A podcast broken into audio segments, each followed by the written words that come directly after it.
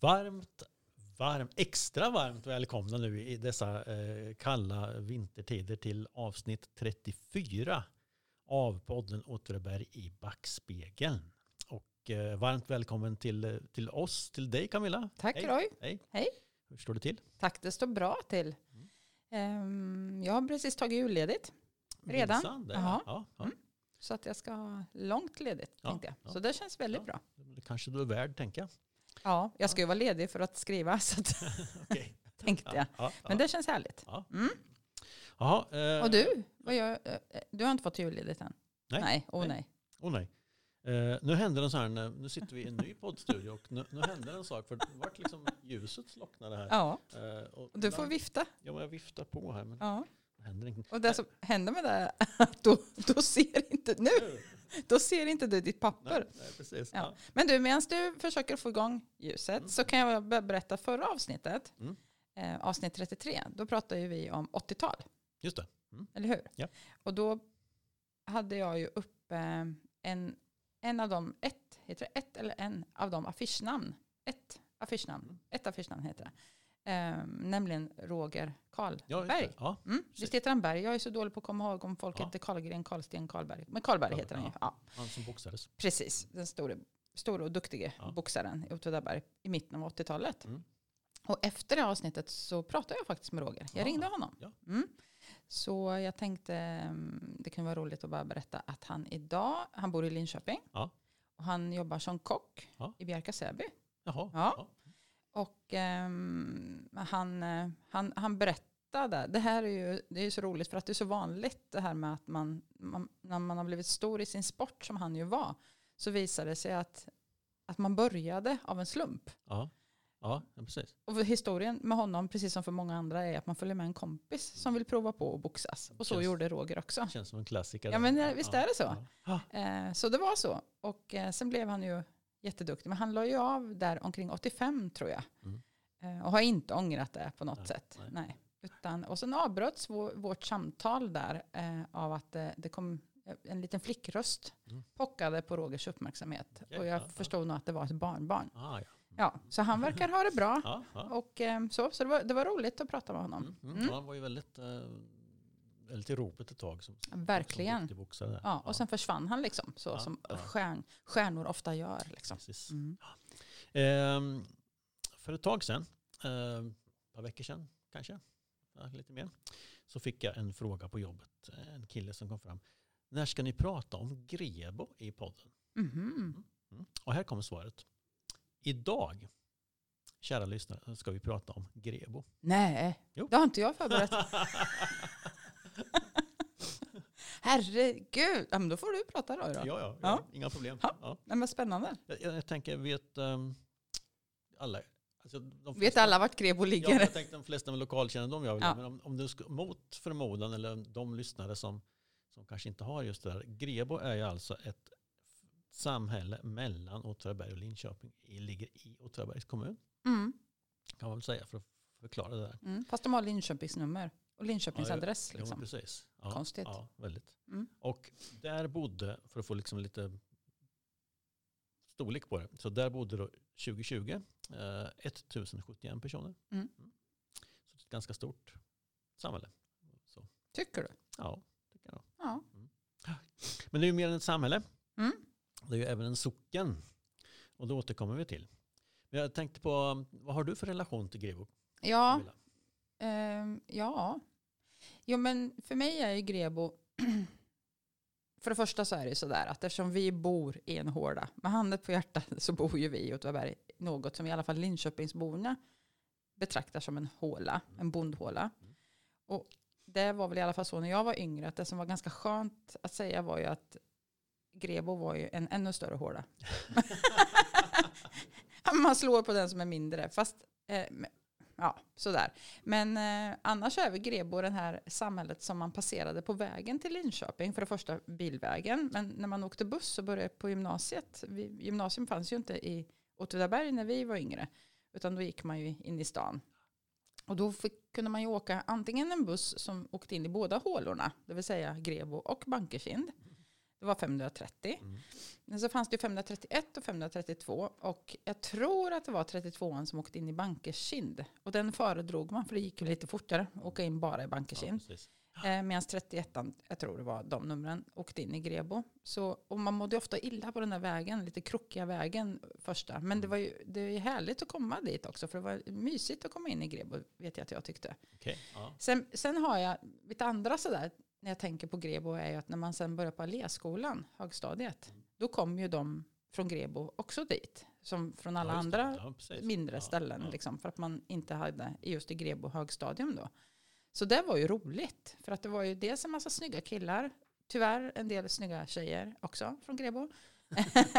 men, eh, eh, ja, men det gav liksom, det var roligt. Ja. Att, att man fick träffa dem. Och sen så tycker jag Grebo verkar så himla aktivt. Man har gjort så mycket spännande Ja, saker. absolut, så är det. Ja. Eh, så, faktiskt. Eh, nej, men det, det är ju, som Åtvidaberg så åker man ju igenom Grebo och kanske inte, har man, har man ingen relation eller någon bekant eller någon släkt eller någonting, då stannar man ju kanske inte. Ja, eller sådär. Mm. Eh, men jag har ju faktiskt en relation till Grebo som, som inte jag... Som inte du har berättat. Nej, grejen är ju att min släkt på något sätt härstammar, mina an, anfäder på min, på min fars sida, de härstammar ju från Grebo. Ja. Grebo-trakten ska jag säga. De har ju varit um, bönder och uh, lantbrukare där under ett antal generationer. Eh, och eh, min, eh, min farfars farfar invandrade från Svinsta socken, Mhm. alltså Bankerkinshållet. Mm.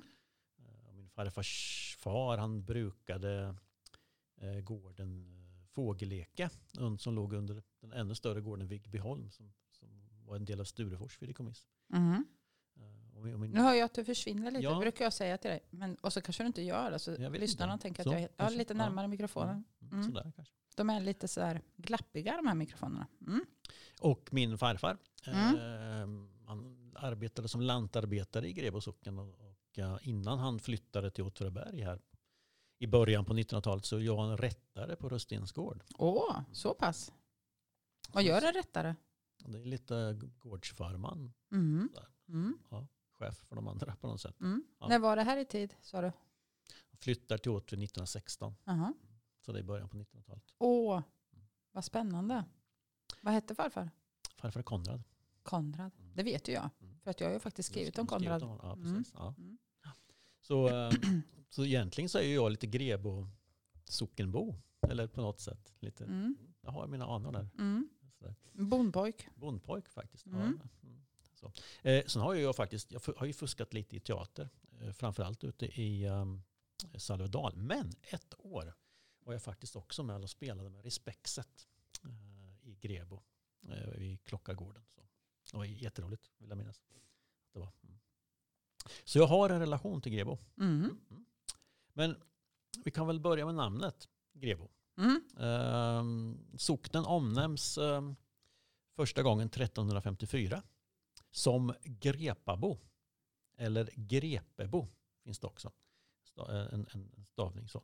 Och namnet då har tolkats som, eh, som att den förra leden, alltså Grepa eller Grepe, skulle vara ett fornnordiskt mansnamn. Och den sista leden i namnet då Bo skulle betyda hem. Alltså Grepes eller G- Grepas hem. Mhm. Men det finns också en, en annan förklaring som att det skulle betyda grepes fäbod. Så. Bo, att bo är en fäbod. Så. Men människor har ju bott här långt innan 1300-talet. Man måste ju ändå fundera på vem Grepe var. Ja, nå, någon som, Bodde han där alldeles ensam?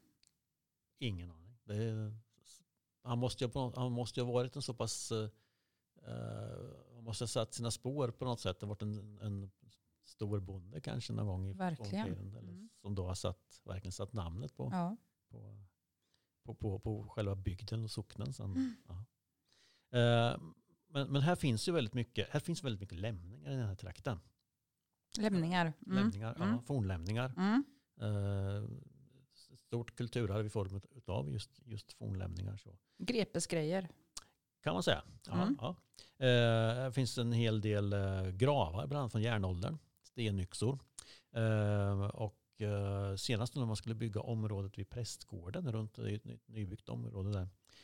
eh, så hittades då vid en utgrävning en, en hel stenåldersboplats. Mm. Och på Käringberget vid sjön Erlången, eh, den stora sjön som, som ligger där, där finns också lämningar från en fornborg.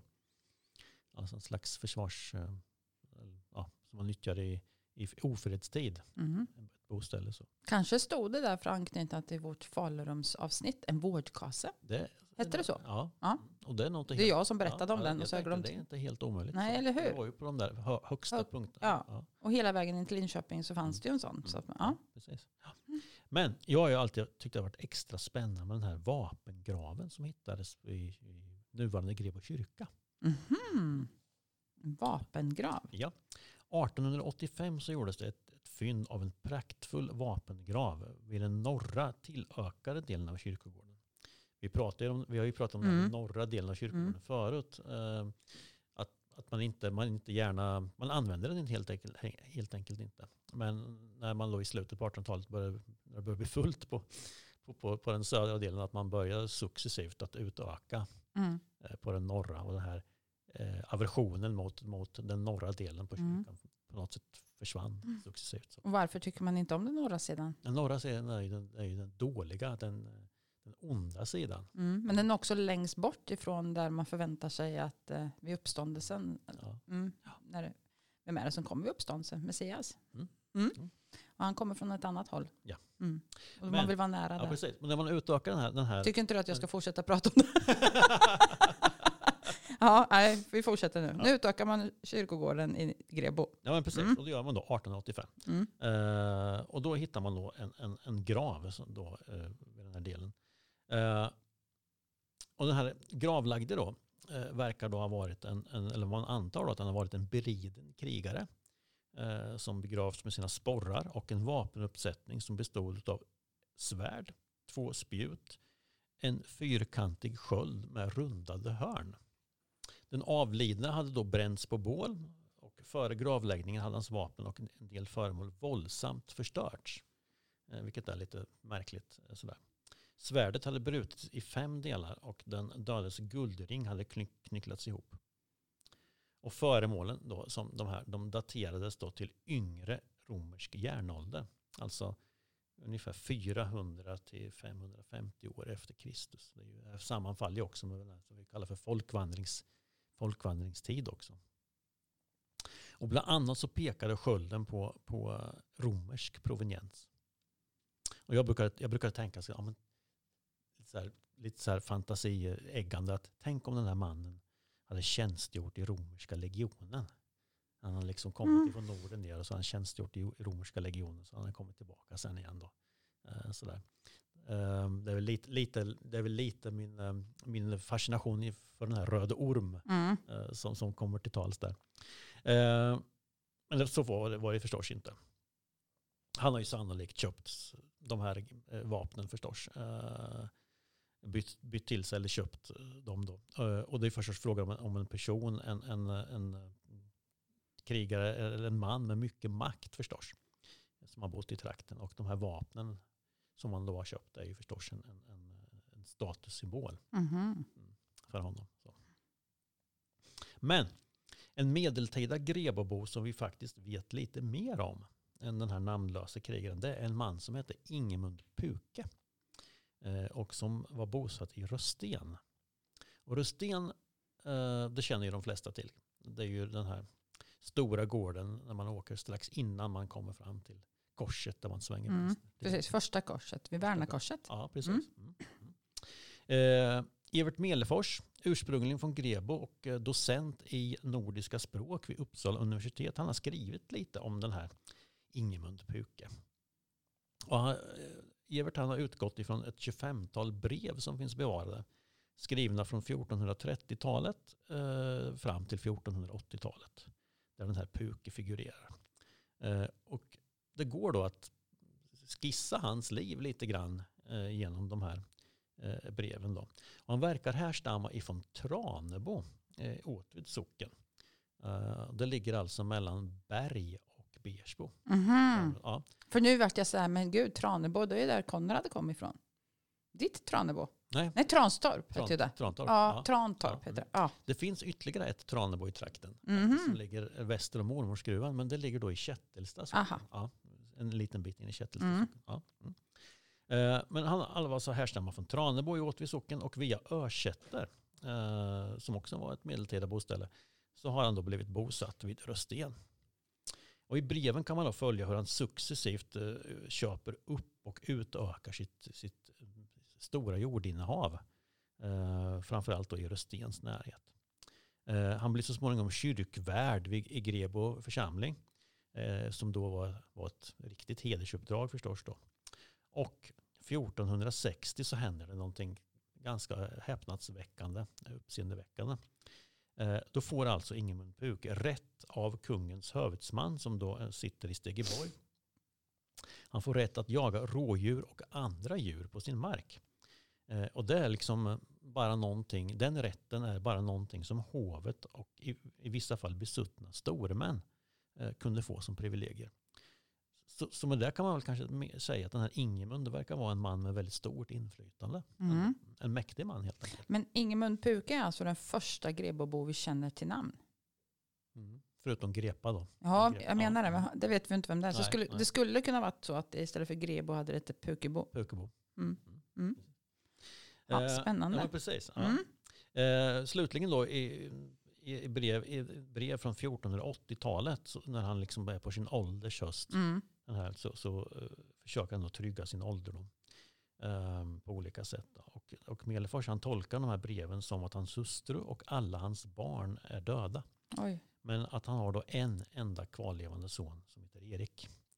Och den här Erik han har studerat eller, eller på något annat sätt verkat i, någonstans i Baltikum. Mhm. Eh, och då är på väg hem eh, kan man då avläsa i det här brevet. Mm. Var finns de här breven? Eh, Något de- arkiv någonstans förstås? Ja, Riksarkivet. Ja, Det Riksarkivet. de, ja, i deras eh, brev. Det kan inte varit brev- lätt att läsa de här breven från Nej, alltså jag, 1400-talet. nej, men jag har sett dem där, eh, hur de ser ut avfotograferade. Det, det är omöjligt. ja, Man måste nog vara docent i nordiska språk för att fixa som det. Melefors. Mm. Ja. Ja. Men, Mm. men efter det här så, så finns det liksom inga mer Nej. uppgifter om den här Ingemund Puke. Så vi vet faktiskt inte vad som, vad som, Vad som hände. nej, vad som hände. Om, Nej. vad som hände hans son om han kom hem eller, eller, eller hur, ja, hur det gick sen. Mm. Men Ingemund Puke kom alltså från gården Rösten. Mm, Det var det du sa? Ja. Ja. Ehm, och då tänkte jag att man kan ju inte prata grebo utan att prata om ett, ett fenomen som jag tror att de flesta känner till. Nämligen Röstensgubben. Precis. Mm. Jag tror också att de flesta är bekanta med den. Men för säkerhets skull så, så berättar jag vart den står. Det är, ju, det är ju för det första en stenformation. Som består av tre stenar. Som är målade i svart, vitt och rött. Mm. Och den står alltså på ett litet stenröse. På en åker som hör till Röstens gård. Och man ser den väl från 35an. Den är, idag är den lite inhägnad eh, av ett litet staket. Och dessutom vaktas den av en svart plasttjur. som står där ja, i närheten. Precis, ja, precis. Ja, Jag vet inte om tjuren står där för att vakta rösten, men den står där i alla fall. Mm. Ja. Och den här röstensgubben, den påstås alltså vara ett förhis, en förhistorisk fruktbarhetssymbol. Mm. Mm. Jag har hört. Det är ju en gängse. Ja, men det är den gängse uppfattningen att den är det. Alltså att den är, ja. Mm. Mm. Och det finns flera sägner om den. Eh, som jag har tittat lite närmare på. Jag har, jag har egentligen inte hört så mycket om de här sägnerna innan. Så tänker jag kanske inte andra har heller. Men en sägen säger att eh, alltså om, om gubben, alltså röstensgubben har stått där på åkern sedan forntiden eller inte. Det, det vet man inte. Jag ska återkomma till de här sägnerna. Men första gången som den här stenformationen nämns i skrift är 1877. Dessförinnan så säger man ingenting om den här röstensgubben. Och då ska man veta att det har varit flera kulturhistoriskt intresserade personer som har besökt Östergötland på till exempel 1700-talet. Till exempel Daniel Tiles besökte Grebo socken vid två tillfällen. Och vem var nu Daniel Tilas, Roy? Jo, men det var ju den här eh, känd bergsvetenskapsmannen som då arbetade under en period där för Åtvidabergs kopparverk. Mm. Eh, som lite eh, konsult ska man väl kunna säga. Mm. Ja, där han eh, på något sätt stakade ut möjligheterna eh, för kopparverket att Mm. bedriva verksamhet. Och han har ju gett upphov till flera gatunamn. Så jag tror Ja, att vill man veta mer om Tila så kan man nog lyssna på avsnitt ett. Mm, ja, precis. Vi pratar vi. Tilasbacken och Ja. så vidare. Mm. Men Tilas då, som alltså var här på 1700-talet i Grebo, han andas inte ett enda ord av röst, röstensgubben. Nej, och det borde den kanske ha gjort. Det kanske. borde han nog ha gjort. Och det tolkar ju en del som ett tecken på att hmm, den kanske inte stod där då. Nej. Så frågan är hur forn, hur forn Norda eller fornhistorisk den är då. Eh, 1877 så, så säger jag att, man, att den nämns då vid skrift. Och det är av en major vid namn Karl Fredrik, tror jag han heter. Karl FR står det. Fredrik tror jag det står för. Karl Fredrik Nordenskjöld. Eh, och han berättar då att stenen måste målas röd varje gång boställehusena på Röstens gård ska målas. Och han berättar då att sägen säger att under medeltiden, nu pratar vi ju egentligen lite Ingemund Puke här då, mm, så sköttes gården av en fogde som en regnig sommar aldrig höll på att få sin skörd under tak. Och när det äntligen blev en, en dag med vackert väder så var det ju naturligtvis då helgdag. Då får man ju inte jobba. Men under pågående gudstjänst så smyger fogden ut för att bärga skörden. Och väl utkommen på åkern så överraskas han av ett störtregn. Förstås. Och i sin förtvivlan då för att han återigen står där och inte får in sin skörd Ja. så förbannar han Gud och allt vad i heligt är. Och i samma ögonblick som han gör detta, uttalar sin förbannelse, så sjunker han ner under jorden och syns aldrig mer. Mm. Och till minne av denna förfärliga händelse så blev minnesstenen uppsatt, säger man i den här sägnen. Och varje gång man målar laggorn röd så måste stenen också målas, annars ska gården drabbas av olycka. Det är lite motsägelsefullt det där tänker jag. Mm. För att om, Säg, ja, men jag tänker om, om det här är ju en, du har ju det här med, med eh, det är ju ett slags gudsstraff där. Mm. Och eh, då är ju inte den här någon fornnordisk eh, symbol. På Nej, verkligen inte. Nej, för då har det ju med Gud att göra. Ja, och då, har det ju, och då är det ju, om den har blivit uppsatt så har den blivit upps- uppsatt på medeltid då kanske. Precis. Ja. Mm. En folktradition berättar en liknande sägen och den handlar om bon- bonden Måns som var en girig och rik ägare till gården, alltså Rösten på medeltiden också. Och han plö- när han plöjde en långfredag så sa prästen åt honom att sluta. Prästen kommer där och passerar gården och så säger, ser han ju ser han att Måns plöjer då. Då säger han åt honom att han måste sluta för att det är ett sabbatsbrott. Och då han, då han inte slutar plöja så, så bad prästen Gud straffa Måns och ett mörkt moln tornade upp sig på himlen. Och en blixt öppnade en avgrund i åkern och bonden försvann i marken med oxar och allt. Alltså en, en typ liknande berättelse egentligen. Och efter den här händelsen så var gården som förtrollad. Skörden slog fel, korna dog och laggorn brann ner inte mindre än tre gånger. Men sen den nya ägaren till gården satte upp ett minnesmärke efter Måns så skedde det ett under. Olyckorna upphörde och gården blev åter välbärgad. Mm. Men återigen då, för att hålla gården från olycka, olycka och ge goda skördar så behövde, så behövde det här minnesmärket som man satte upp då regelbundet målas rött. Det är lite tvångstankar här helt enkelt. Ja, och det är ju egentligen, det är ju sam, de här två sägnerna har ju samma eh, innebörd egentligen. Ja, Att man ska, då, man ska helga eh, sabbaten och man ska ja eh, inte gå emot Gud. Och, Nej. Man ska, nej. precis. Och i de här gamla sägnerna så finns det alltså inte en stavelse om att stenen skulle vara en fruktbarhetssymbol. Eller en fallos som man ju då ibland Men det säger. har, ju- det har ju men det har, det har tolkats som så utav kännare kanske. Ja, att den ska vara där ja. Mm. Evert Mellefors, som ju du nämnde tidigare, Mm. från, som var från Grebo, eller är från Grebo, och docent i nordiska språk i Uppsala. Har förutom att intressera sig för puke har han eh, också intresserat sig för. Just det. Mm. Och han menar ju då att det knappast är en fruktbarhetssymbol eller en fallus. Och han, Evert alltså, han är skeptisk till att gubben verkligen skulle vara forntida och han menar att det snarare handlar om en kvasifornlämning som någon har tillverkat. Kanske soldater som bodde på gården under 1700-tal föreslår han. Ja, det är ju en, eh, ett majorsboställe. Mm, precis. Så, Mm, så det kan mycket väl tänkas. mm, Ja, det är en sp- en spännande tanke tycker jag. mm. Att någon har liksom, det är ju lite som våra de här hällristningarna som vi hittade på eh, Hall- Hallaholmsberget. Ja, ja precis. Mm. Ja. Mm. Som man kanske inte alls avsikten var att man skulle lura någon. Men, och det kanske inte har varit med Röstensgubben heller. Nej, Men, eh, nej precis. Men, mm. men, ja, det är en spännande tanke. Mm. Så att det här vet man alltså Ja, inte riktigt nej, säkert nej. hur gammal den är och varför den står där den står. Men det man vet är att i september 2006, och det här kommer jag ihåg, då försvann Röstensgubben. Kommer du ihåg det? Ja. Mm. Det var ju liksom ganska mycket tidningsrubriker. Ja, precis. Så, eh, så var det. Ja, och då, man blir ju ändå lite orolig för vad som ska hända med laggården när Röstensgubben försvinner och sådär. Ja, Att man tänker att den, nu brinner den ner. Ja, ja. Ja. Och, eh, men efter ett anonymt tips så, så hittade polisen stenarna i en bokhylla i Västervik. Mm. Det är ju lite kul. Ja, Mm. jag tänker, vad händer med dem?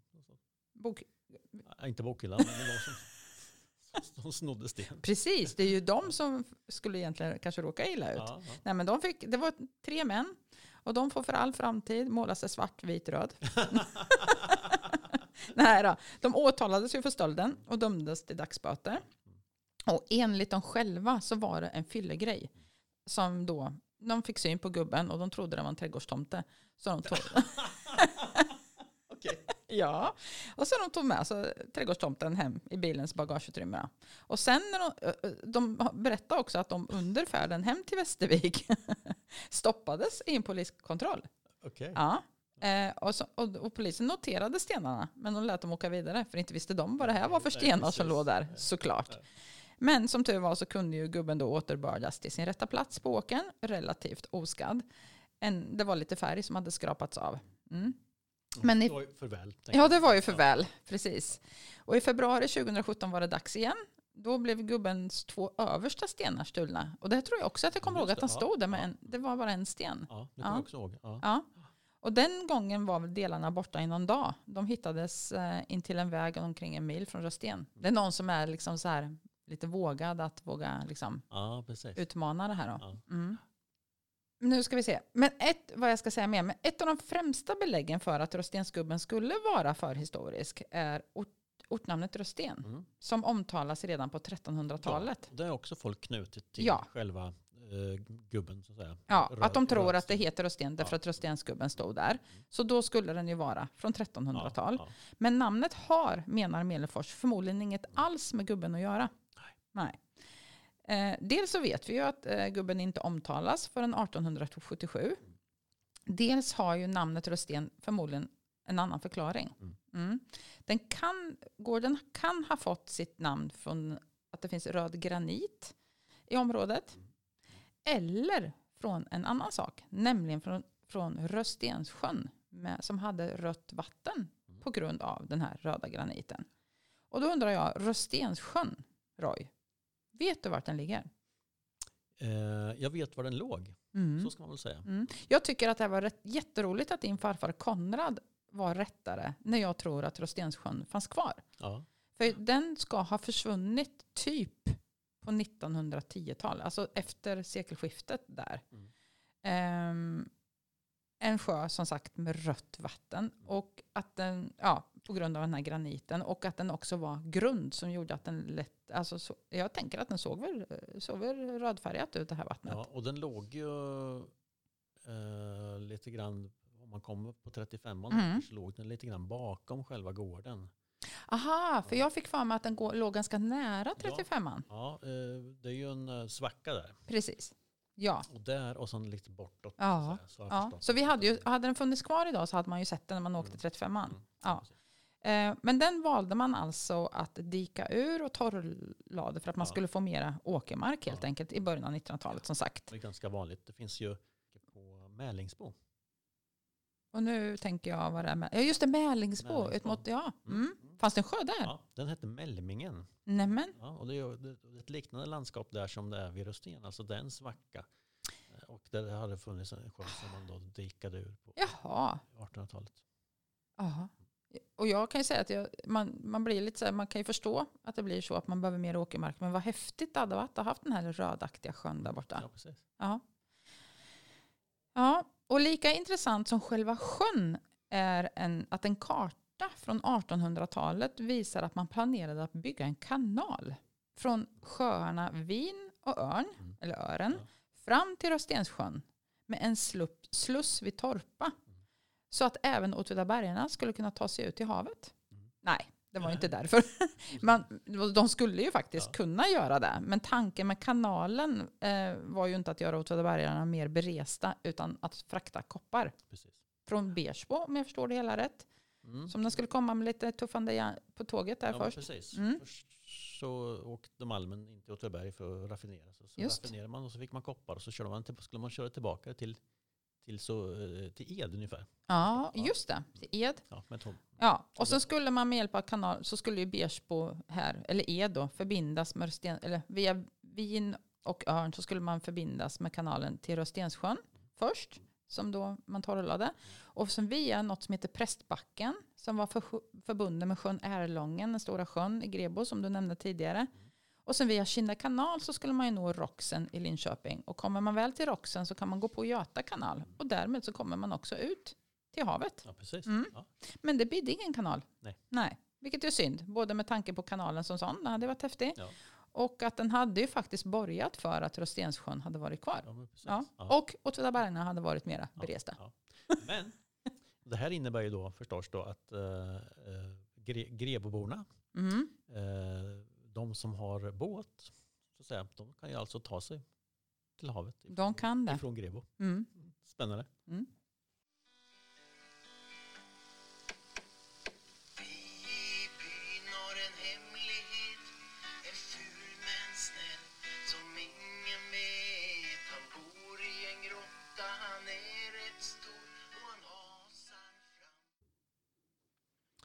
Ja, men jag, jag tänker inte släppa eh, den här Ingemund Puka eh, än riktigt. Sådär. Eh, han var ju kyrkvärd Mhm. och där finns det kanske en koppling kvar. Eh, och, eh, den kyrkan som han var kyrkvärd i, eh, där, där finns, det ju, finns det ju lämningar kvar efter den. Eh, och det tycker jag också är lite spännande. De här Det är alltså inte den nuvarande kyrkan? Nej, det är inte den nuvarande kyrkan. Utan den, den här kyrkan då, den ligger, eller kyrkor, lämningarna efter den ska säga, Mm. den ligger söder om nuvarande kyrkan och väster om Klockaregården. Och Klockaregården ligger uppe på kullen Mm. i närheten av Vet du hur kyrkan. dålig jag är på sådana här äh, väster och öster och så? Kan man säga. Ja, Om man ser Klockargården låg den liksom bakom. mot, ehm, inte inne mot samhället Nej. utan ut mot, ut mot landsbygden där. Ja, ja. mot Stureforshållet. ja, just det. Ja. Mm. ja precis. Mm. Och där finns det då lämningar efter grundmurar på cirka 25 gånger 8 meter. Och de är gjorda av grå, grå eller kalksten, gråsten eller kalksten. Sådär. Ehm, och en liten bit från den här kyrkogrunden så finns det en gravhäll eh, faktiskt. Och enligt traditionen så ska den vara lagd över ett brudpar eh, ifrån Orräng. Som vid återresan från Grebo kyrka plöt, plö- mötte en plötslig död eh, någon gång, oklart när. Eh, och stenen pryds av två kvinnifigurer. Kvinnig. Kvinnifigurer som det står, men det, kan ju vara änglar. Mhm. eh, Kanske, ja. Som håller en krona, alltså en brudkrona säkert. Den här kyrkan revs 1772. Eh, och eh, material från den här togs idag förstås. Man åter, återvann ju materialet. Och, och, eh, och man så säga, byggde in material från den gamla kyrkan i den nya kyrkan. Mm. Eh, det var ju vanligt att man gjorde, att man gjorde så. Eh, men när den här äldre kyrkan då grävdes ut så hittades då ett norskt och ett mecklenburgskt mynt från 1300-talet. Eh, samt två svenska kopparmynt från 1600-talet. Och jag kan tycka att det är lite spännande då att tänka sig att det här mecklenburgska myntet kanske då härrörde ifrån Ingemund Pukes son Erik. Ja, Som då var en, uppenbarligen en berest man. så Tänk att man aldrig kan få veta om det är så. Nej, precis. Och det kan, ju vara, det kan ju ha någon helt annan förklaring. Men det är ju lite spännande. Ja, verkligen. Ja. Mm. När du tar upp kyrkorna nu Mm. så måste jag ju ta upp en annan sägen kopplat till Grebo. Just det. Ja, nä- nämligen den om Dentus. Okej. ja. Mm. En verkligt udda legend. Eh, in, så- och jag vet inte, jag hade inte hört talas om, om, om Dentus innan vi började titta närmare på Grebo. Hade du gjort det? Eh, ja, jo, men, jo, men det har jag gjort. Ja. Det har du gjort, ja. Men jag hade inte gjort det, så jag tyckte det var, det var jättespännande. Intill sjön Ärlången så ligger nämligen ett högt berg som heter Kärringberget. Mm. Mm. Det är ju där fornborgen. Precis, där fornborgen är som du pratade om tidigare. Och eventuellt stod en vårdkassa. Ja.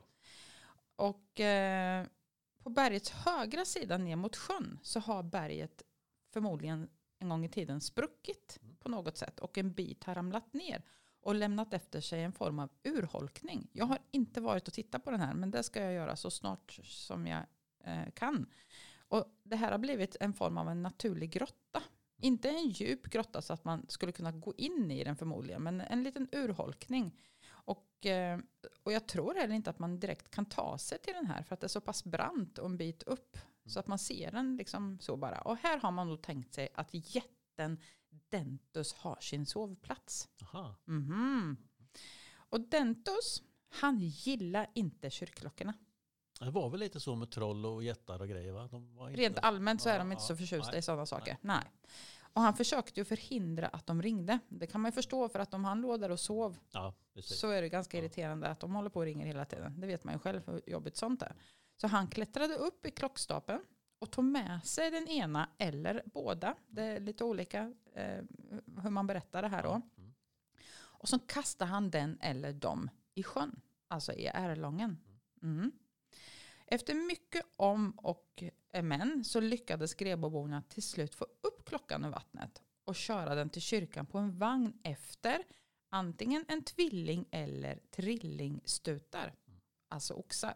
Och det är också en sån här sägengrej, så här, trillingstutar brukar man prata om i sådana här sammanhang. Ja, de brukar, återkomma i många Mm. Mm, precis. Mm. Och det viktiga då när man körde tillbaka klockan från vattnet här då, eller från Ärlången, det var att det gjordes under absolut tystnad. För annars så skulle man fick inte säga någonting förrän klockan hängde på sin plats. Och självklart, precis när man skulle sänka ner den i sin axel där i klockstapeln så säger en av bönderna, ja nu har vi nå allt på plats. Ja. Och vips så får klockan iväg ner i sjön igen. Mm.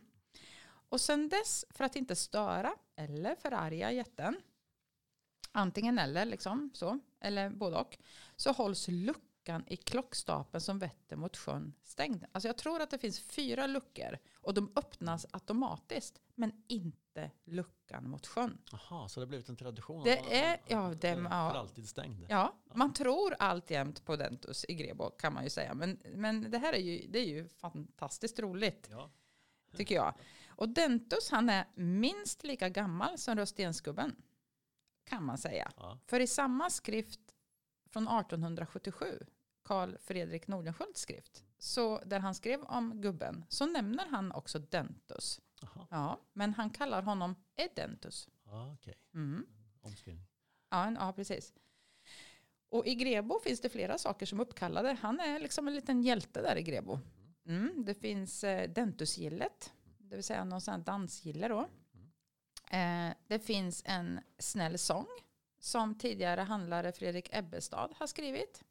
Det finns en pub, Dentusgrottan under affären, som eh, Fredrik också eh, startade en gång i tiden. Och han berättade för mig när jag pratade om honom att man, hade, man ville ha en symbol för den här puben då. Och eh, ganska snart så, så, så tänkte man att Dentus blir en bra Ja. symbol. Och, och då reste man ju faktiskt också en staty av Dentus framför affären där. Just det. Mm.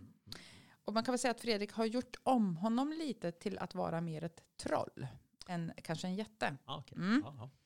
Sen tror jag mig veta, och här tror jag att du har mer information Roy, att det, att det är på gång med en gata som ska heta Dentusgatan eller Dentusvägen. Mm. De håller på och bestämmer kvarters och gatunamn för det nybyggda, eller inte nybyggda, det, som ska, alltså det område som ska bebyggas i Norrby i Grebo. Mm. Där kommer en del av de här och knyta an till eh, Grebos historia och deras traditioner. Mm. Så man ska, vara, man ska vara rädd om sina traditioner, Ja. om sina jättar. Mm.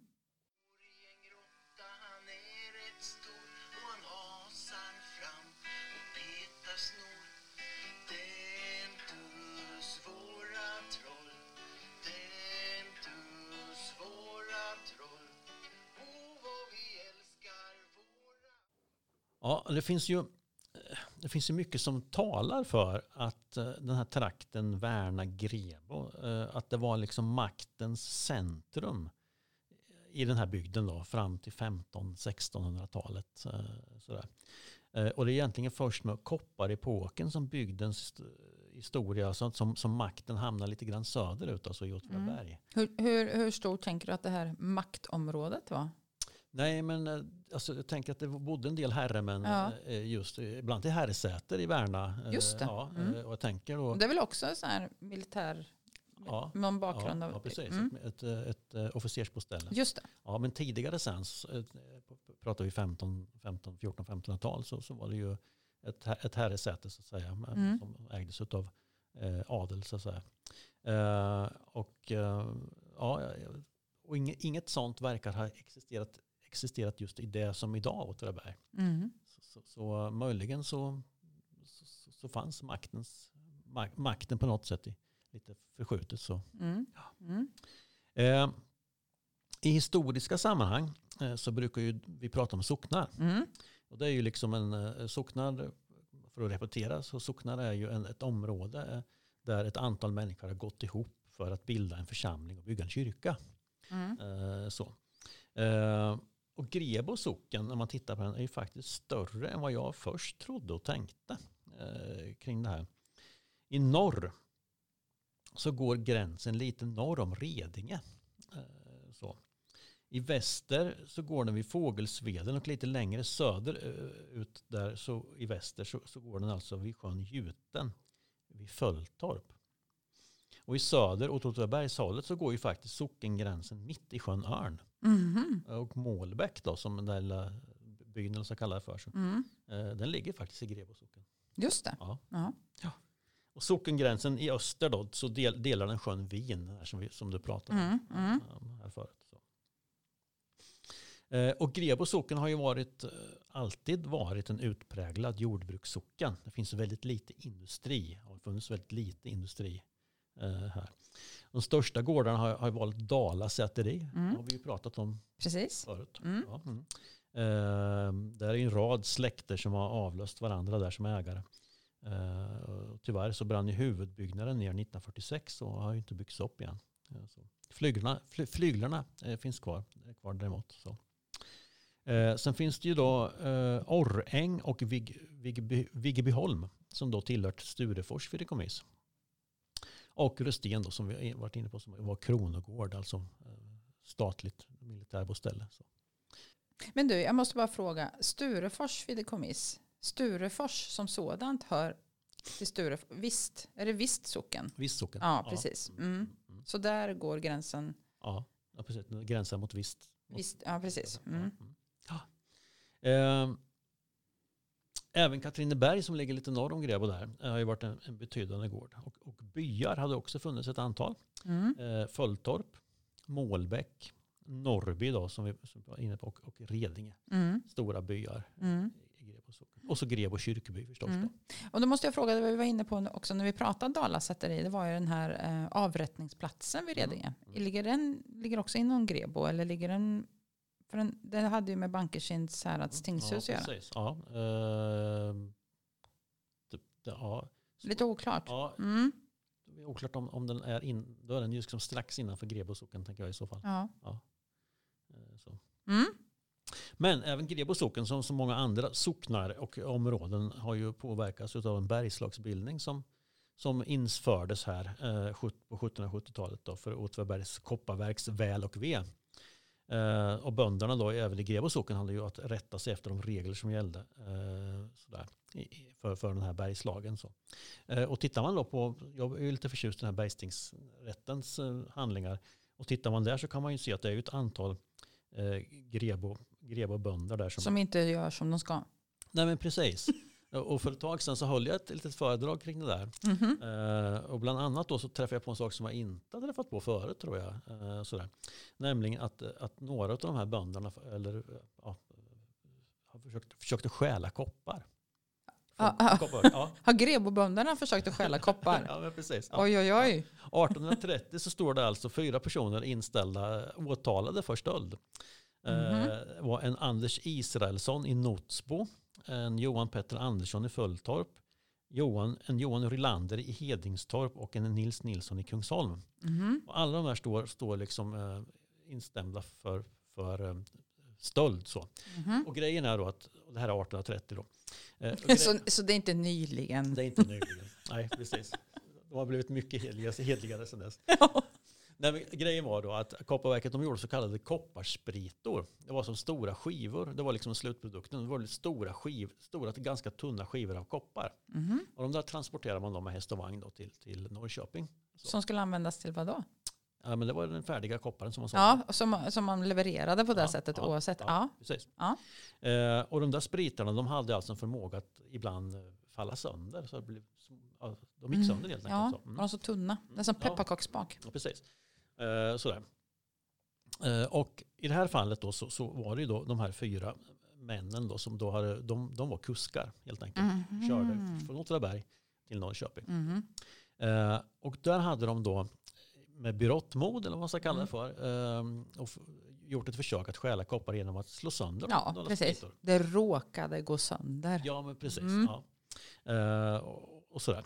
Eh, grejen var att det fanns ju andra vittnen i den här vagnskaravanen. Då. Aha. För De var ju flera, eh, flera vagnar som åkte samtidigt Ja, förstås. Då.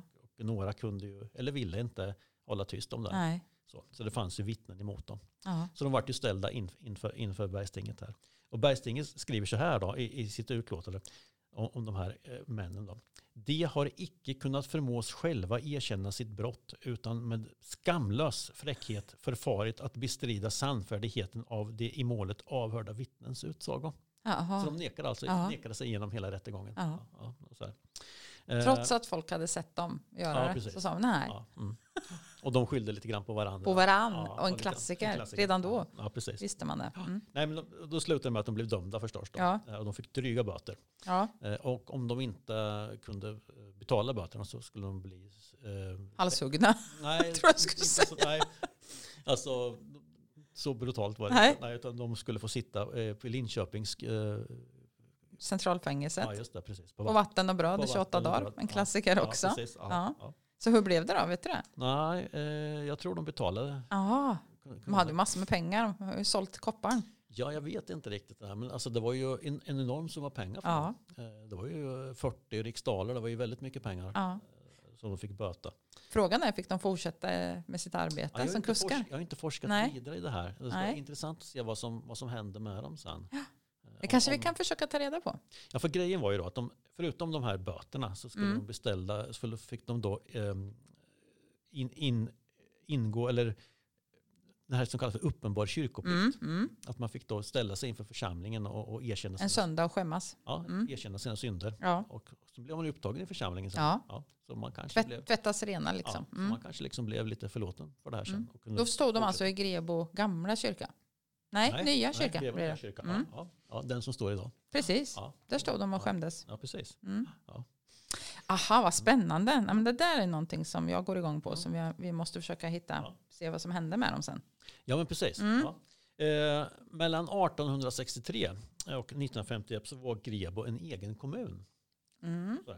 Eh, Vad sa du, 1800? mellan Nej, 1863 så infördes de nya kommunallagen. Mm, Då blev ja. ju liksom eh, socknen avgick i...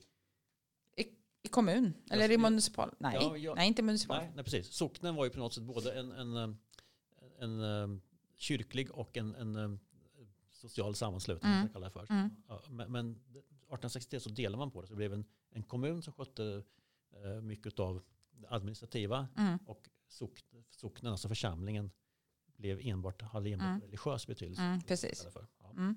Eh, så mellan 1863 och 1951 så Grevå egen kommun. Sen uppgick den då i Björsätters kommun, storkommun. Jaha. Ja. Eh, efter 51.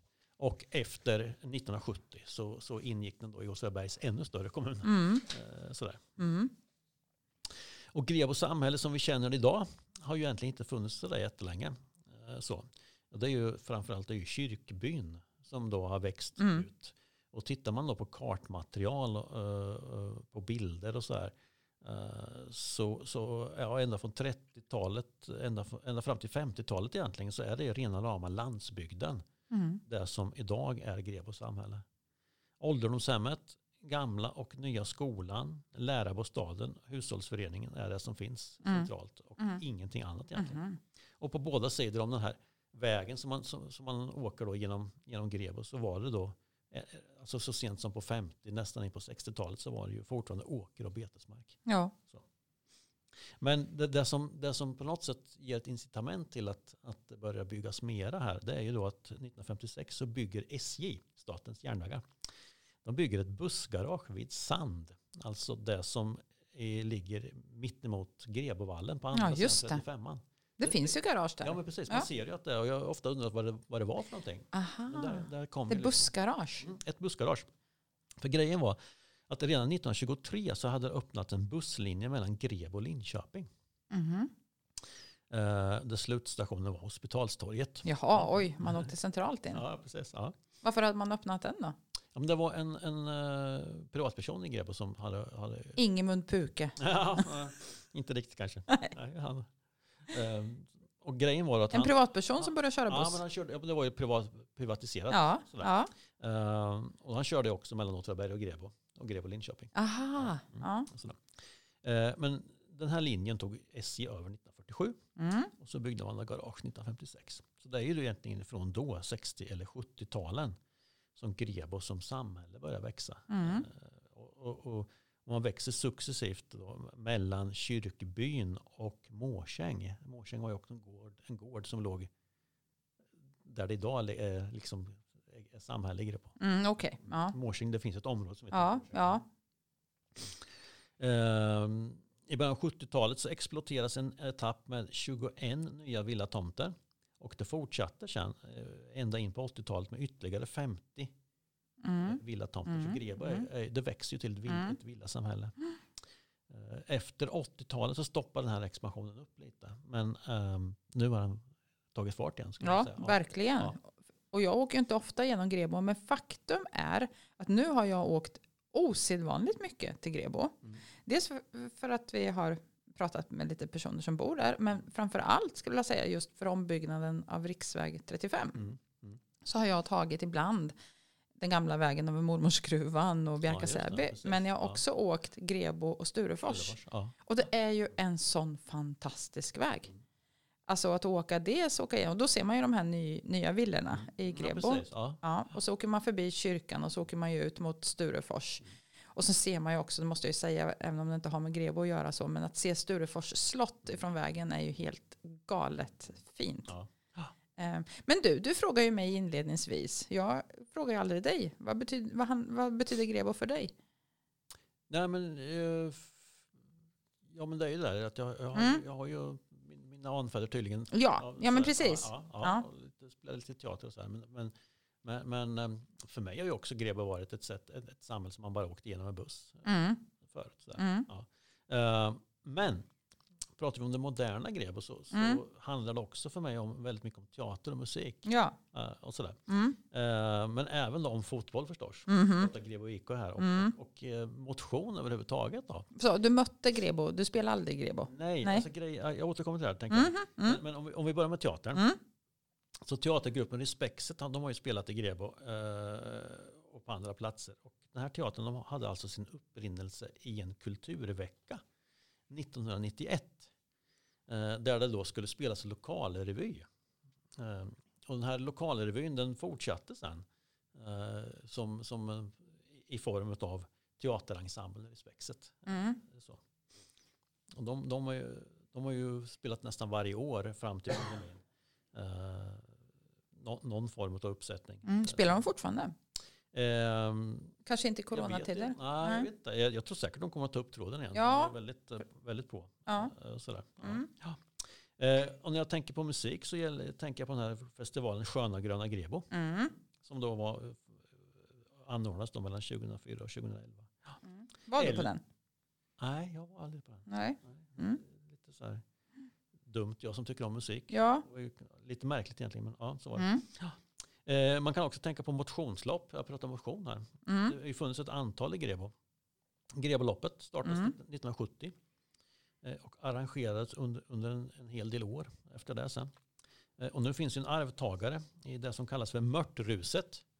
Vilket fantastiskt ja, namn. Precis. Ja, och du, du, som, du som springer mycket Camilla, har du sprungit något av de här Greboloppen? Eller Nej, det har jag faktiskt inte gjort. Vi är dåliga vi är. Vi har inte varit på musikfestival, vi har inte sprungit loppen. Och Nej, eh, nej, nej. men det får vi ju... Ja.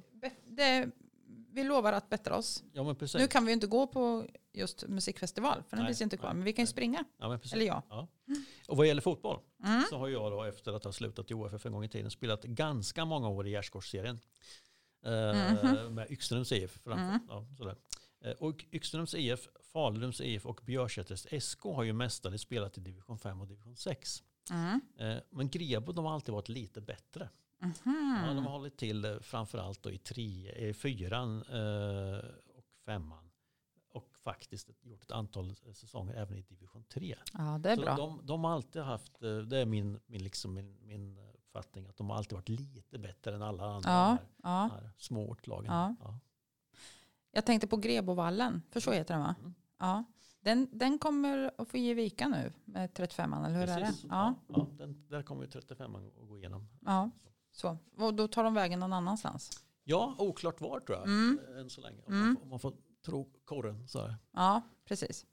Men du, jag har ju min vana trogen då ringt några personer, eh, en handfull, lite mer kanske, Ja, eh, personer som bor i Grebo ja, på lite olika, jag valt liksom ut, alltså för mig random personer eh, som bor på lite olika gator i Grebo. Och så har jag ställt två stycken frågor.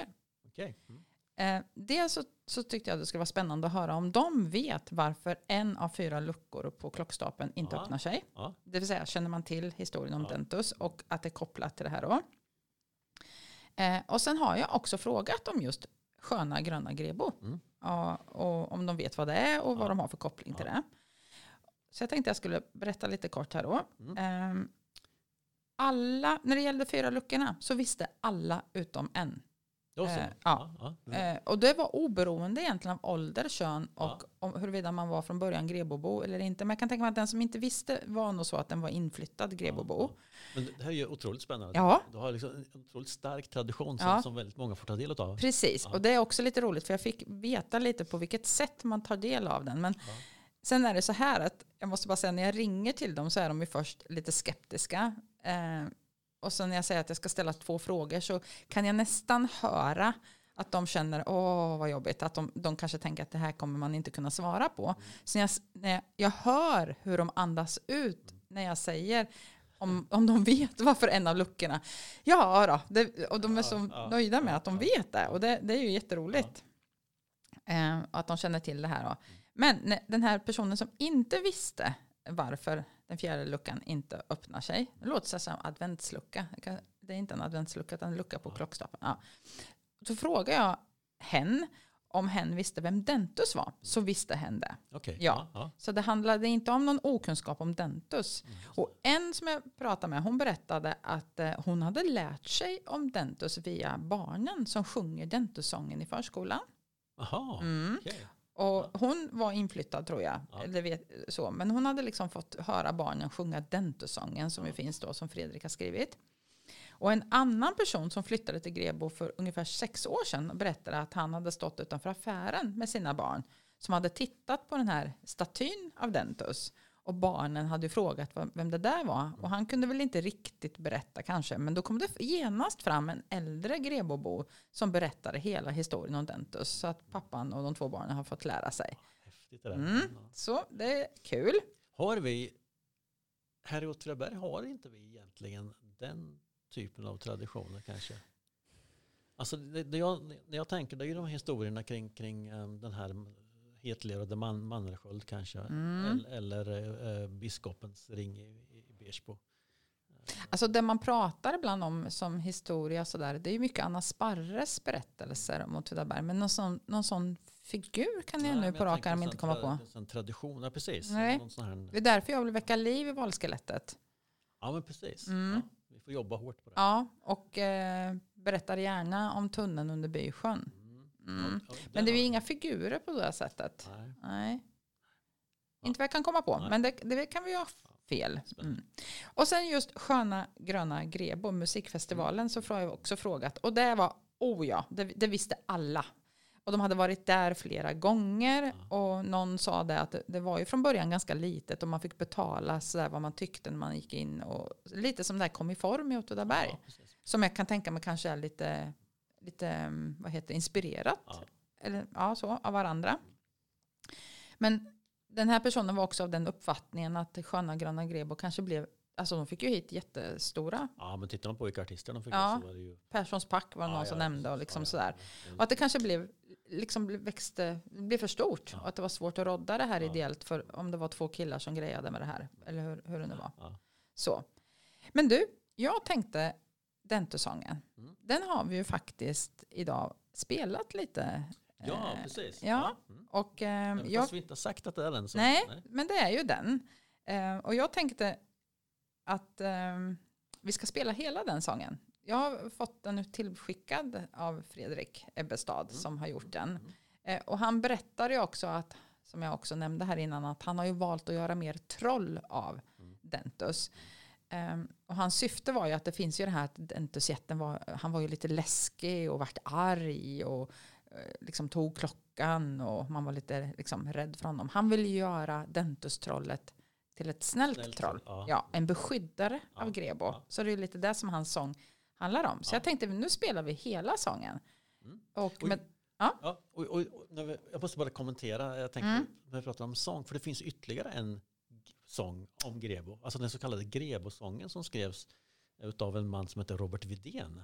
ja. Så det, det är ju lite, och den, den, har ju, den är ju mycket äldre förstås än Ebbestads, mm, mm. men det är ändå lite häftigt att den här orten har två sånger, Sånger. som knyter an. Ja. Ja.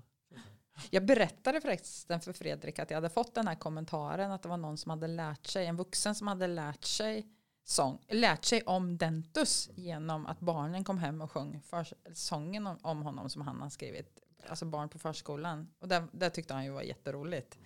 Jag vet inte, jag tror, det verkar inte som att han, att han kände till det. Nej. Eh, Men jag spelar den här får vi se. Så kan vi väl sluta med det och eh, säga hej då med och, Dentus-sången. och eh, god jul kanske. Ja, god jul också. Absolut.